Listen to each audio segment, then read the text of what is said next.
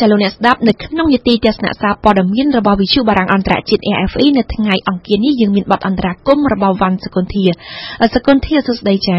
បាទសួស្ដីគឹមហុង គុនធាថាតើនៅថ្ងៃអង្គារទី11ខែកុម្ភៈនេះកាសែតនានានៅក្នុងប្រទេសកម្ពុជាបានចាប់អារម្មណ៍ចុះផ្សាយពីរឿងអ្វីសំខាន់ដែរទេចាគឹមហុងកាសែតខ្មែរ Times នៅថ្ងៃនេះបានផ្ដោតសំខាន់ទៅលើរឿងពាក់ព័ន្ធទៅនឹងបញ្ហាប្រព័ន្ធអនុគ្រោះពន្ធ EBA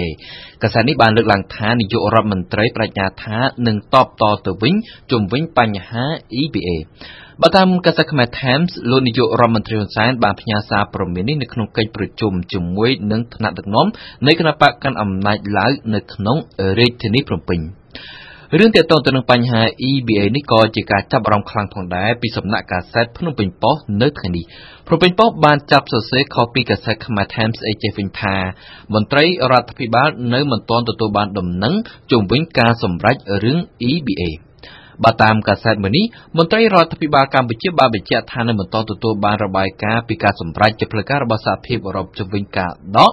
ឬមិនដកប្រព័ន្ធអន្តរជាតិពន្ធ EBA នៅឡើយទេខណៈដែលមានរបាយការណ៍មួយអះអាងថាសហភាពអឺរ៉ុបបានសម្រេចមិនដកទាំងស្រុងនៅប្រព័ន្ធ EBA នោះទេប៉ុន្តែបានសម្រេចដកលើមុខទំនិញមួយចំនួនដែលនាំចេញពីប្រទេសកម្ពុជា។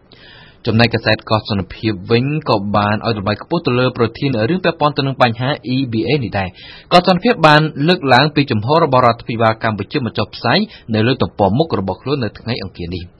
កាសែតបានសរសេរធំធំថាសំណុំរឿង EBA ជំហររាជរដ្ឋាភិបាលគឺមិនយកអធិបតេយ្យភាពបដូរជំនួយបរទេស កាសែតនេះបានលើកឡើងថាបើមិនមានការប្រែប្រួលទេ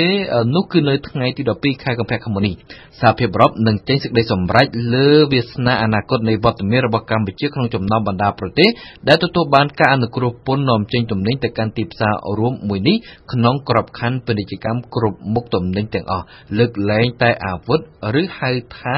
EBA គុនធាចុះកាសែតកម្ពុជាថ្មីនិងរស្មីកម្ពុជាវិញមិនបានចាប់អារម្មណ៍ពីរឿងនេះទេឬឬក៏គេមានរឿងអ្វីសំខាន់លើនឹងទៀតដែរគុនធាគឹមហងកាសែតរស្មីកម្ពុជានៅថ្ងៃនេះបានឲ្យតម្លៃខ្លាំងទៅលើបញ្ហាដំណើរទស្សនកិច្ចរបស់ប្រធានរដ្ឋឡាវនៅកម្ពុជាកាសែតនេះបានឡើងចំណងជើងធំធំថាទស្សនកិច្ចប្រធានរដ្ឋឡាវកម្ពុជានិងឡាវបញ្ជាក់ពីការពេញចិត្តដូចគ្នា ជាមួយនឹងចំណងជើងដ៏ធំធំនេះកាសែតរស្មីកម្ពុជាបានបង្ហាញនៅរូបភាពលោកប្រធានរដ្ឋឡាវនិងលោកនាយករដ្ឋមន្ត្រីហ៊ុនសែនកំពុងចាប់ដៃគ្នាដោយទឹកមុខញញឹមស្ងួតកាសែតភ្នំពេញប៉ុស្តិ៍វិញក៏បានឲ្យតម្លៃខ្លាំងទៅលើប្រធានរឿងនេះដែរនៅថ្ងៃនេះដែលភ្ជាប់មកជាមួយនឹងរូបភាពលោកនាយករដ្ឋមន្ត្រីហ៊ុនសែននិងប្រធានរដ្ឋឡាវកាសែតនេះបានឡើងចំណងជើងថាកម្ពុជាឡាវបន្តពង្រឹងទំនាក់ទំនងបន្ថែមលើដៃគូយុទ្ធសាស្ត្រស៊ីជម្រៅគ្រប់ជ្រុងជ្រោយ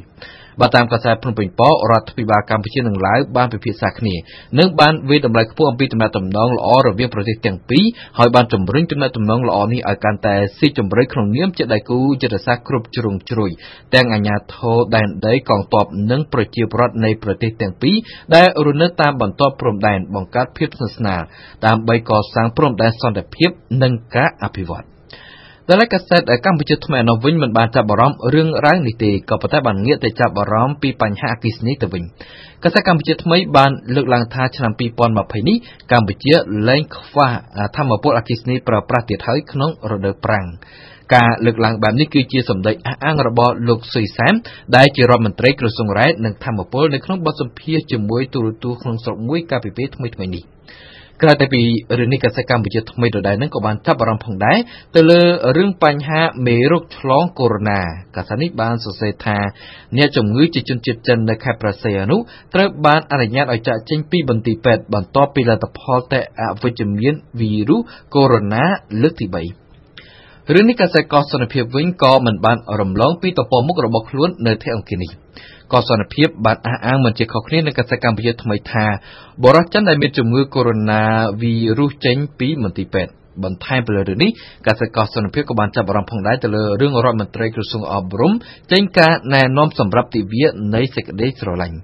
កាសែតបានរាយការណ៍ថាលោកហងជុននរិនរដ្ឋមន្ត្រីក្រសួងអប់រំយុវជននិងកីឡាកាលពីថ្ងៃទី7ខែកុម្ភៈបានចុះហត្ថលេខាលើសេចក្តីណែនាំស្តីពីវិធានការទប់ស្កាត់សកម្មភាពមិនប្រក្រតីក្នុងទិវាបុណ្យនៃក្តីស្រឡាញ់នៅតាមគ្រឹះស្ថានសិក្សាសាធារណៈនិងឯកជនដែលទិវានៃក្តីស្រឡាញ់នេះនឹងចូលមកដល់នៅថ្ងៃទី14ខែកុម្ភៈជារៀងរាល់ឆ្នាំចាអរគុណសកុនធាសម្រាប់ការចូលខ្លួនមករៀបចំនីតិទស្សនៈសារព័ត៌មានរបស់វិទ្យុបារាំងអន្តរជាតិនៅថ្ងៃនេះ